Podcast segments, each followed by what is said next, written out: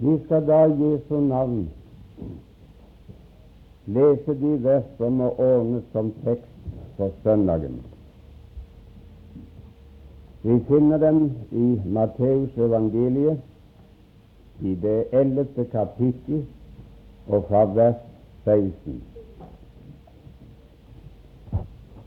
Men hvem skal jeg ligne denne slekt med? Den ligner små barn som sitter på torgene og roper til sine lekebrødre. Vi blåste på fløyte for eder, og dere ville ikke danse. Vi sang sørgesanger, og dere ville ikke gråte. For Johannes kom, han verken åt eller drakk, og de sier han er besatt. Menneskesønnen kom, han eter og drikker, og de sier Se, for en stor eter og vindrikker, tolderes og synderes venn. Men visdommen er rettferdiggjort av sine barn. Da begynte han å refse de byer hvor hans fleste kraftige gjerninger var gjort, fordi de ikke hadde omvendt seg. Ved deg, Korasin, ved deg, Betzaida, Det er som de kraftige gjerninger som er gjort i dere, var gjort i Tyrus og Sidon da hadde de for lenge siden omvendt seg i sekk og aske. Dog sier jeg eder, det skal gå Tyrus og Sidon tåligere på dommens dag enn dere. Og du, Kapernaum, som er blitt opphøyd like til himmelen, like til dødsriket, skal du bli nedstøtt. For dersom de kraftige gjerninger som er gjort i deg, var gjort i Sodoma, da var det blitt stående til denne dag. Dog sier jeg dere, det skal gå Sodomas land tåligere på dommens dag enn dere. Jeg vil også få lov å lese de to første vers fra Lukas 15. Og alle toldere og syndere holdt seg nær til ham for å høre ham. Og både fariseerne og de skriftlærde knurret seg imellom og sa:" Denne mann tar imot syndere og eter sammen med dem. Amen. Noe av det som karakteriserte Kristus mest den gang han gikk ned i Palestina, var nettopp dette at tøldere og syndere holdt seg nær til ham, og han tok imot dem. Og han tok imot dem og åt og drakk sammen med dem. Det var så vanlig og så alminnelig å se det at syndere og tollere holdt seg nær til ham, og at han tok imot dem og ga dem samfunn, at de kalte ham for tølderes og synderes venn. De mente det ganske sikkert som en nedverdigelse av ham. Det var omtrent som de ville si, som i vårt ordspråk Si meg hvem du omgås, så skal jeg si deg hvem du er. Når han kan gå ypperste prestene og de eldste og det høye råd forbi, og så holde seg sammen med toldere og syndere, så kan du selv forstå hvem og hva han er. Slik mente de det den gangen, men uten at de selv forsto rekkevidden av det, så talte de sant. Han var og han er tolderes og synderes venn. Jeg synes om det uttrykk i Lukas 15 når det sies at alle tollere og syndere holdt seg nær til ham. Det var noe ved ham, venner, som var slik når de hørte hans stemme, så uttrykket i hans ansikt, hele hans måte å være på, og hørte innholdet av det som han lærte dem, så var det noe ved ham som uvilkårlig trakk syndere og tøndere til ham. Det står ikke at han holdt seg til tøndere og syndere, men det var tollerne og synderne som holdt seg til ham. Han slapp å ta dem i håret og tvinge dem til seg med makt. Det var noe ved ham som trakk dem, og som sa dem det er en mann for meg. Jeg vet ikke om dere kjenner uttrykket her i sånn. men vi pleier si nede på våre kanter om enkelte mennesker at de har barnepekke. Bruker dere det uttrykket her?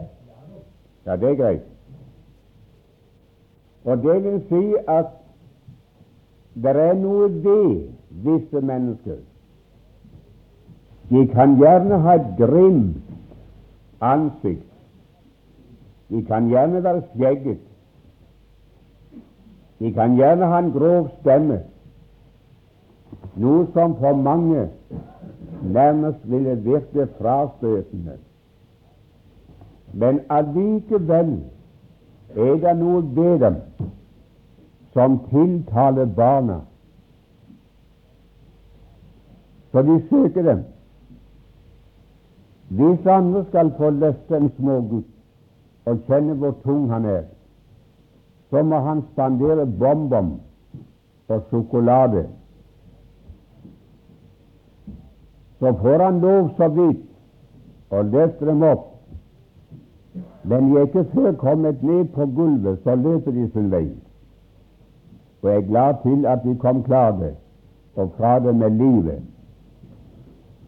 Andre venner de behøver ikke kjøpe sjokolade og spandere noe. De vil ikke kjøpe dem til seg. Men de kommer allikevel. Jeg har sett i visse hjem at barna, barna de har søkt vedkommende og holdt seg til dem på en slik måte at mor og far har sagt nå må du la det være nok. Nå må mannen få være i fred. Han blir lei av deg. Ja, ja, så går de for i øyeblikk. Men du vet ikke ordet av, der igjen. De liker dem. Og så sier de Han har barnetekke. Godt folk, det var noe ved den Herre Jesus den gang han gikk her, som jeg vil tillate meg å kalle syndertekke. Noe som tiltalte syndere, og som sa dem, hva jeg nevnte i sted, han der, en mann for meg. Han forstår meg, og han har det å gi meg som jeg behøver. Og så søkte de ham og holdt seg til ham, og han ble behangende med dem. Og selv om jeg nå har vært en kristen i mange, mange, mange år, så er det få skriftsteder jeg setter mer pris på. Eller skal jeg si det er få ting som er sagt om den Herre Jesus, som tiltaler meg bedre og gjør meg varmere om hjertet og gir meg større tålmodighet enn nettopp den kjensgjerning at Kristus Jesus han er tolderes og synderes venn. Så om jeg må sette meg i klasse med den slags mennesker, så er han en mann for meg. Og jeg har holdt meg til ham og har aldri til denne dag opplevd at han har skyvd meg ifra seg. Han har tillatt meg å bli hos ham, og han har skjenkt meg sitt samfunn. Det er mange ting jeg kunne gjerne si mange kjensgjerninger omtalt i Skriften som viser det at han både var og fremdeles er synderes venn. Jeg skal nevne dem, men la det være forstått at jeg ikke nå tar tid til å tale om dem, utvikle og forklare dem. I grunnen så taler de for seg selv. Den aller første ting jeg da må nevne, er den kjensgjerning at han en dag, da han var i Guds skikkelse, oppga å være i den, oppga himmelens herlighet, englers jubel og englers og serafers tilbedelse. Og steg ned i denne verden og ble menneskelig,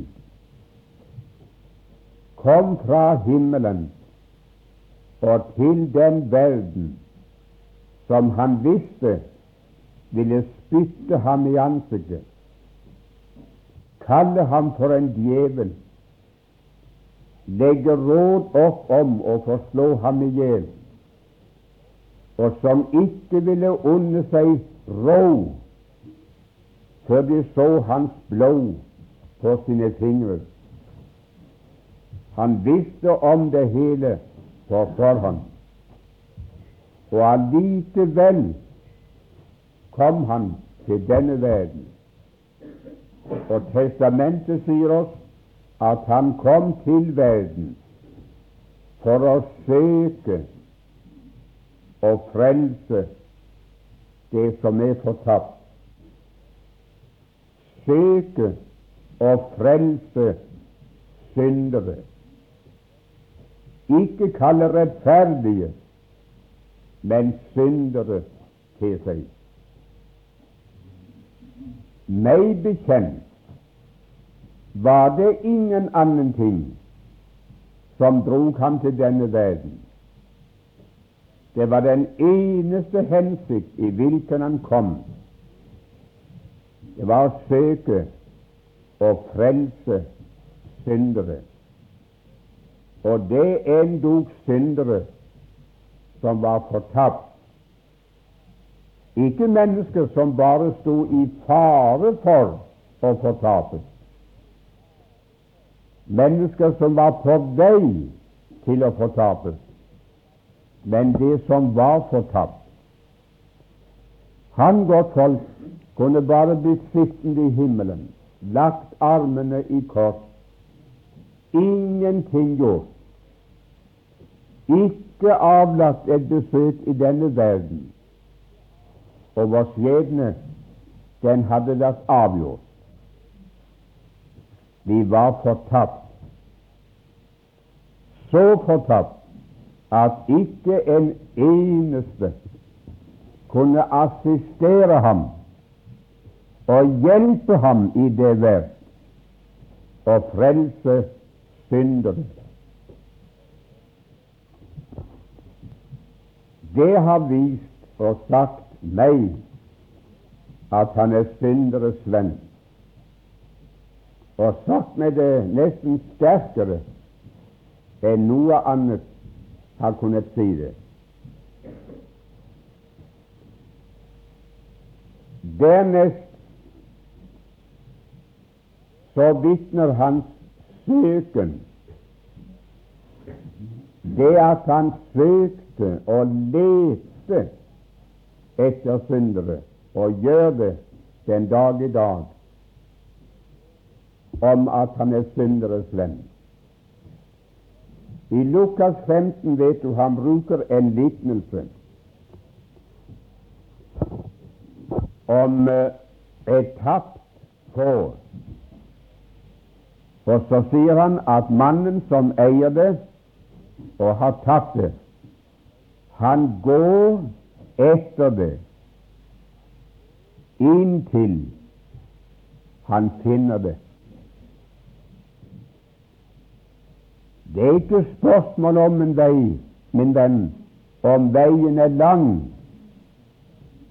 om veien er vanskelig, besværlig, om det vil ta tid, men han går og går inntil han finner det.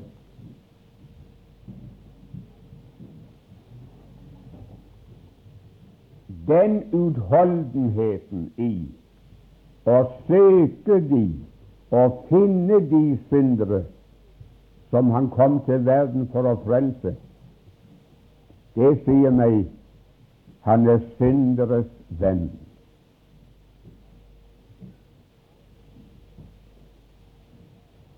Mange troende de har, og de mener seg å ha omsorg for sine medmenneskers frelse, og aller helst sine egne pårørende, de som står dem nær i livet. Men mine tilhørere, der har aldri vært noen, og vil aldri bli noen, som har en slik omsorg for dem som den Herre Jesus. Når du glemmer dem, så husker han dem. Når du ingenting gjør for å få fatt i dem og føre dem til Herren, så er Han ute på sitt vis og ved sine midler og søker dem for å vinne dem.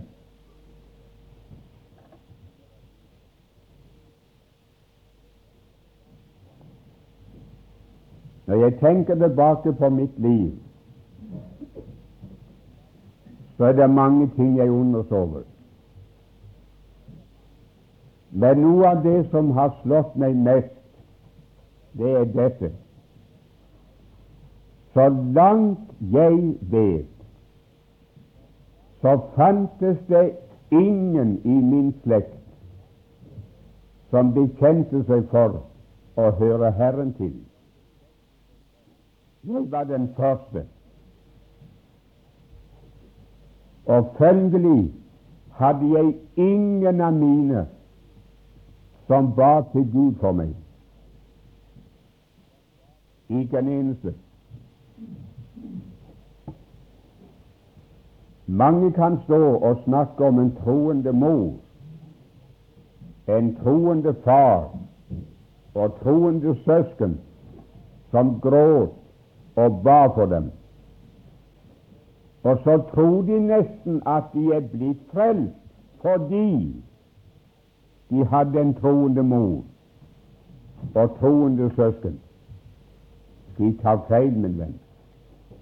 Jeg hadde ingen sådan. Og dog søkte han meg. Og den første gang jeg er meg bevisst at han var meg nær, la hånd på meg for å føre meg til seg, da var jeg bare på det niende året.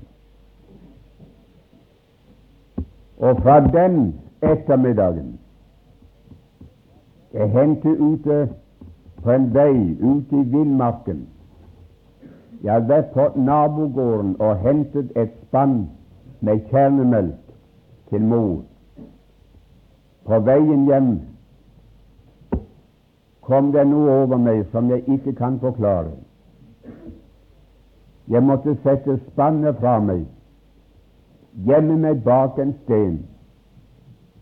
Og hver gang jeg har vært nede i min hjembygd, så har jeg lånt en sykkel, og så har jeg syklet hen til det stedet og stått ved den stenen og sagt Herre, her var det første gangen jeg hadde noen føling av at du ville frelse meg. Det ble ikke noe av det den gangen, fordi jeg hadde ikke mot å fortelle det, verken hjemme eller mellom kameratene mine. Og når en måneds tid eller to var gått, var det slutt med å be. Jeg ba bare i stillhet, men så ble det slutt. Men det gikk aldri tre måneder i trekk ifra jeg var på niende året og til jeg var begynt på det syttende, uten at jeg var på kne når ingen så meg og ba til Herren. Men frelst var jeg ikke. Og det som holdt meg igjen, var meg bevisst ingen annen ting enn at jeg ikke ville bekjenne det og vise det for mennesker før jeg var sikker på at nå er det ekte saker. Så nå holder det. Så nå fører jeg ikke skam over Herrens navn ved å falle tilbake igjen. Og så kjente jeg med det i stillhet. Så kom det et år hvor jeg var helt død. Der fantes ikke en tanke på Gud som streifet meg. Og i det året da kastet jeg meg ut i leik og moro for fulle mugger. Kunne jeg ikke frelses, så skulle jeg iallfall nyte livet mens jeg hadde det. Og da hørte jeg noen troende sa om meg De visste ikke at jeg hørte det, men jeg hørte det. Han Snakk om han. Jeg vil ikke snakke med ham om Gud, for det vil gi ham bare anledning til å spotte. Han skifter verken Gud eller menneske. Så ham har jeg sluttet å be for. Det kan ikke nytte. Og en annen hørte jeg sa Stakkars mor hans, hvor skal det bli av den gutten? Slik var min stilling den gangen. Men i mitt 18. år, da var Herren der igjen og kalte meg. Jeg fikk ingen fred. Og da endelig lyktes det. Men det lyktes ved at det bruddet ble gjort. Nå får ethvert menneske si hva de sier vil, venn og ikke venn, familie eller ikke familie. Hvis Gud nå vil ha meg og kan ta meg, så vær så god. Nå skal ikke jeg hindre ham lenger og ikke skjule det lenger. Og med en gang grep Herren inn og løste meg ut, og det har holdt til denne dag. La meg få lov å si, å min tilhørende, om du ingen har som ber for deg, om du ingen har som snakker med deg om Gud, om det er ingen er som har omsorg for din frelse, der sitter en i himmelen som elsker deg, og som er din venn, og han søker deg i sin egen interesse, uten å være påvirket av noen annen.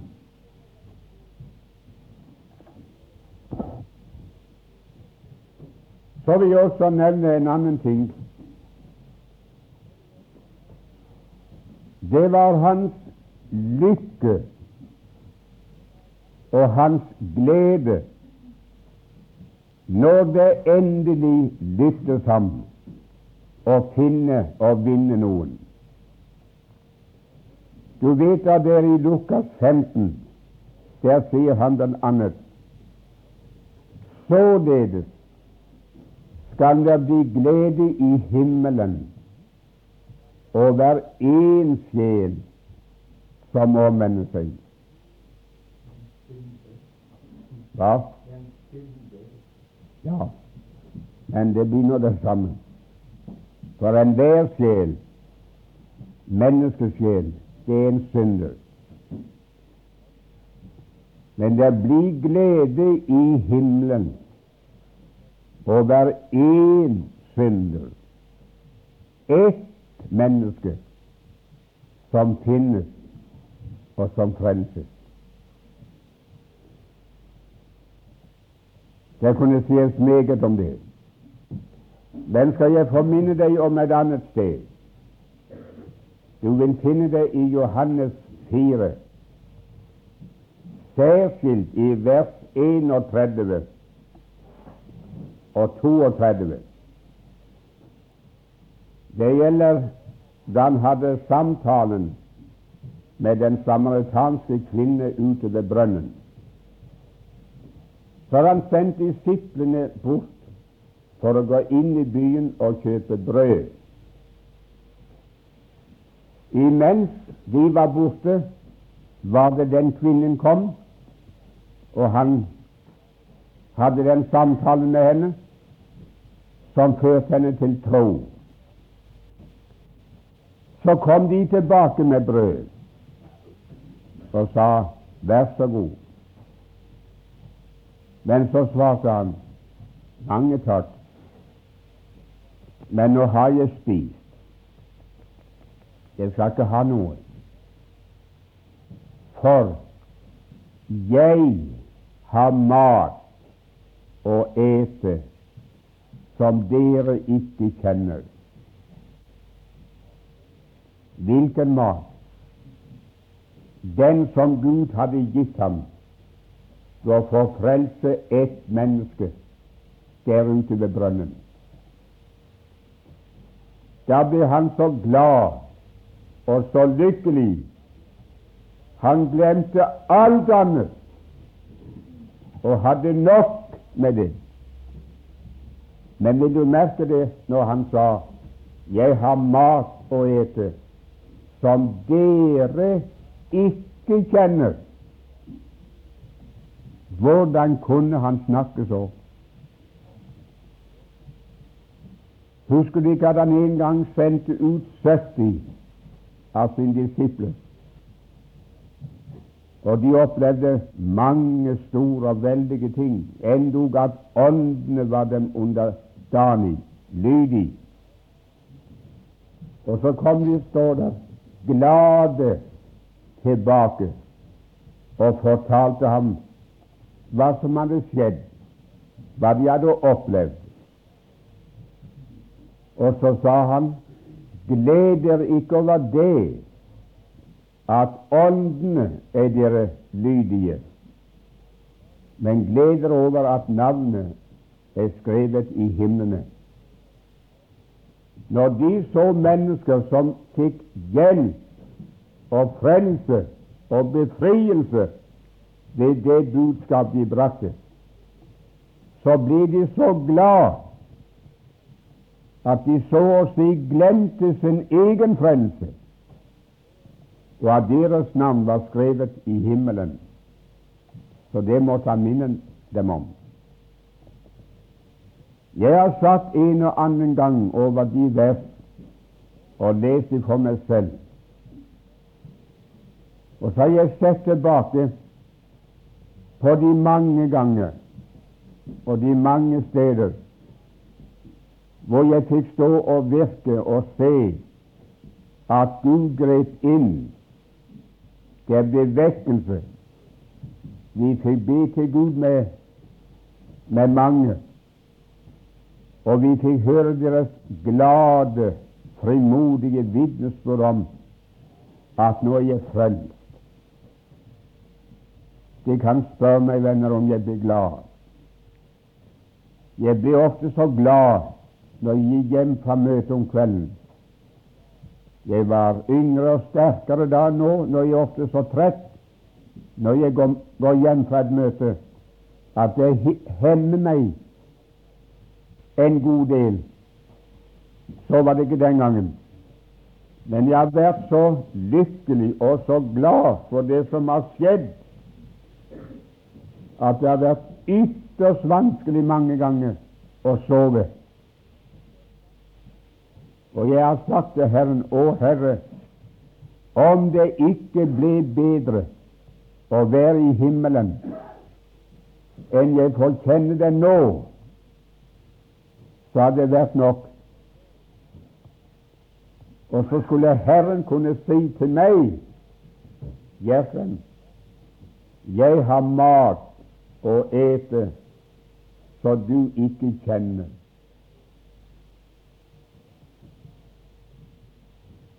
Hvilken forklaring skal jeg søke på det? Jeg har ikke funnet noe annet enn den at hans glede over å få frelst en synder er så langt meget større enn min når det skjer, at det blir ikke snakk om den.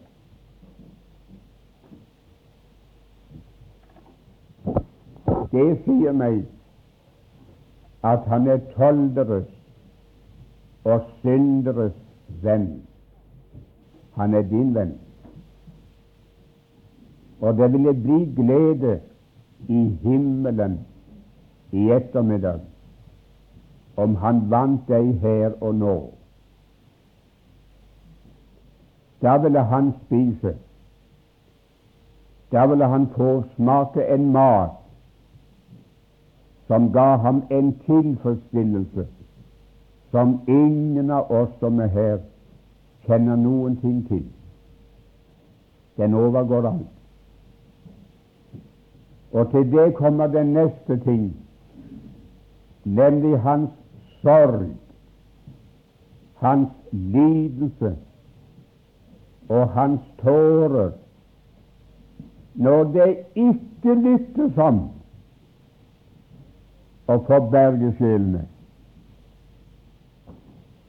Husker du den dagen i Lukas 19, da han satt oppe i bergskrenten overfor Jerusalem og så ned over byen?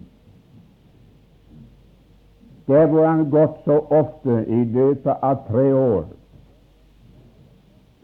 og gjort alt som sto i hans makt for å bringe det folket til omvendelse, og så hadde ikke lykkes. Så står det om ham at han satt og så byen. Og når han så byen, de som hadde forkastet ham, og som ville forkaste ham også den dagen når han kom inn i byen. Da brast han i gråt, og gråt over den. Det står egentlig at han brast i hulkegråt, i høylytt gråt. Og det skal meget til for et vakse mannfolk brister i hulkegråt. Det er vanskelig å få dem til å felle en tåre. Men når den Herre Jesus satt og så på den byen, på det folket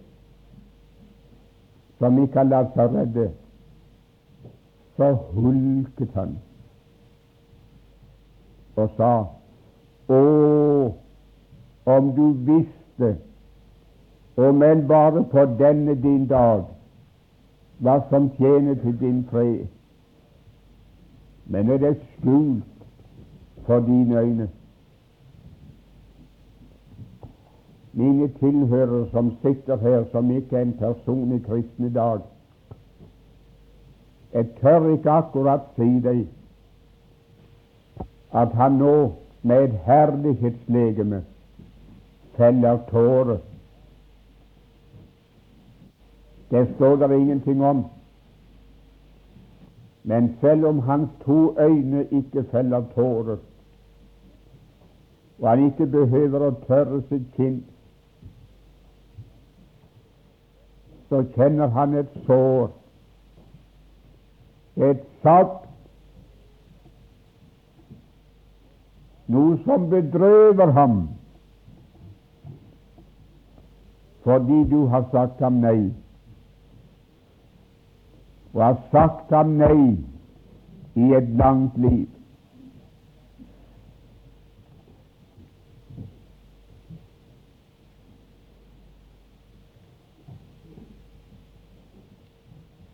Men med alt dette, godt folk, som jeg nå har nevnt, så står vi bare ved strandbredden av det hav av kjærlighet hvormed han omfattet syndere. Det er en annen kjensgjerning som forteller meg at han elsker syndere, at han er deres venn. Du forstår hva jeg tenker på. Det er hans strid i Getsemane. Det han led på Gabbata når han var stilt frem for ypperste presten, og de pinte og plagte og spottet og hånet ham og vitnet falske mot ham, flettet en torna krone om ham hengte på ham en narrekåpe, stilte han ut som en konge med et brukket setter i hånden, som tegn på at han er styrtet. Han er avslørt. Han er ikke den han sa seg å være. Og så Golgata. Jeg behøver ikke å skildre det nå. Du kan bare selv tenke deg om. Der står i Skriften at så elsket Gud verden at han ga sin sønn den enbårne, for at hver den som tror på ham, ikke skal fortapes, men ha evig liv. Og Gud viser sin kjærlighet mot oss derved at han lot Kristus dø for oss da vi ennå var syndere. Prøv, min venn, om du kan holde klart for deg at de menneskene han kom til verden for å søke og frelse, de var syndere. De hadde fortjent dom og død, og at den dommen skulle eksekveres over dem for godt. Men så hender underenes under. Jesus fra Nasaret, han som kom fra himmelen for å søke og frelse det som er fortapt, han kommer opp til Golgata, og så tar han din plass, min plass, alle andre synderes plass. Og så dør han i vårt sted. Så lar han dommen eksekveres over seg, så det nå kan hete straffen den ble lagt på ham for at vi skulle ha fred. Mine tilhørere, hvordan skulle jeg kunne stå ansikt til ansikt med det korset på Golgata? og se hva der skjer, og så ennå tvile på at han er min venn.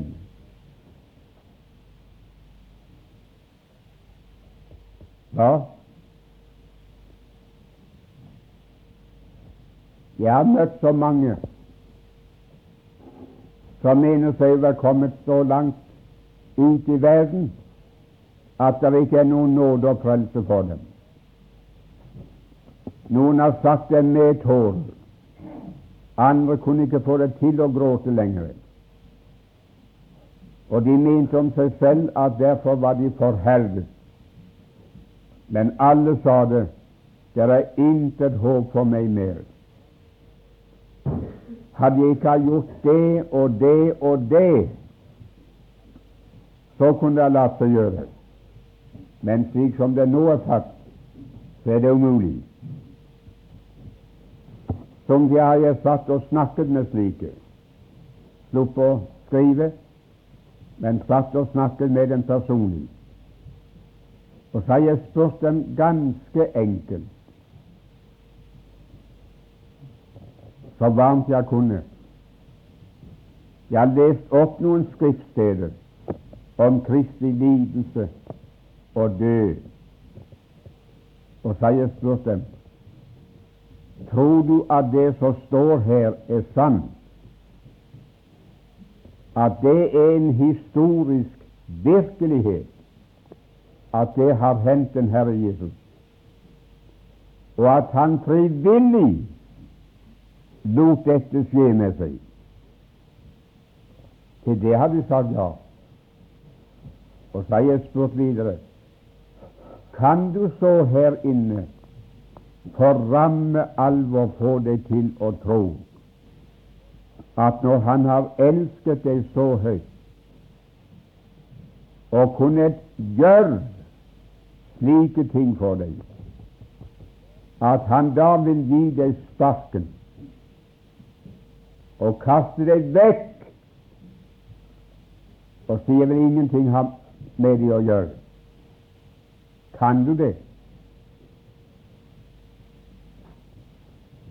Og jeg kjenner mange som har sett det med en gang. De har kastet seg ned for stolen og sagt Takk, kjære Herre, den kjærligheten har jeg glemt. det du led, det led du for syndere. Og det led du for mine synder. Og har du elsket meg så høyt da jeg var en fiende, så kan du ikke elske meg mindre nå. Og har du ingen annen grunn for å ta imot meg, så tar du imot meg fordi at du døde for meg. Venner, enklere kan jeg ikke si det. Men dette gjelder deg som sitter og hører meg i dag. Hva jeg nå har nevnt, det dekker hans liv ifra han ble født, ifra han steg ned fra himmelen og inntil han gikk tilbake. Men hva så etter hans oppstandelse og himmelfart? Er det da noen ting som forteller at han er tolderes og synderes venn? Jeg synes det er meget. Vet du hva det første var som han tok seg for da han var kommet hjem? I testamentet står det at den aller første ting som ble gjort, det var å sende den annen talsmann, Den hellige ånd, til verden. Han hadde satt på salen i Jerusalem og sagt til disiplene de merkelige ordene Det til gagn for dere at jeg går bort. For går jeg ikke bort, så kommer ikke talsmannen til dere. Men når jeg er gått, når jeg er gått bort, så skal jeg sende ham til dere. Og så lyder det Og når han kommer, da skal han Det virker på meg, godt folk, som om den Herre Jesus hadde tillit til Den hellige ånd og hans virksomhet, og ventet seg noe av at han kom til verden. Når han kommer,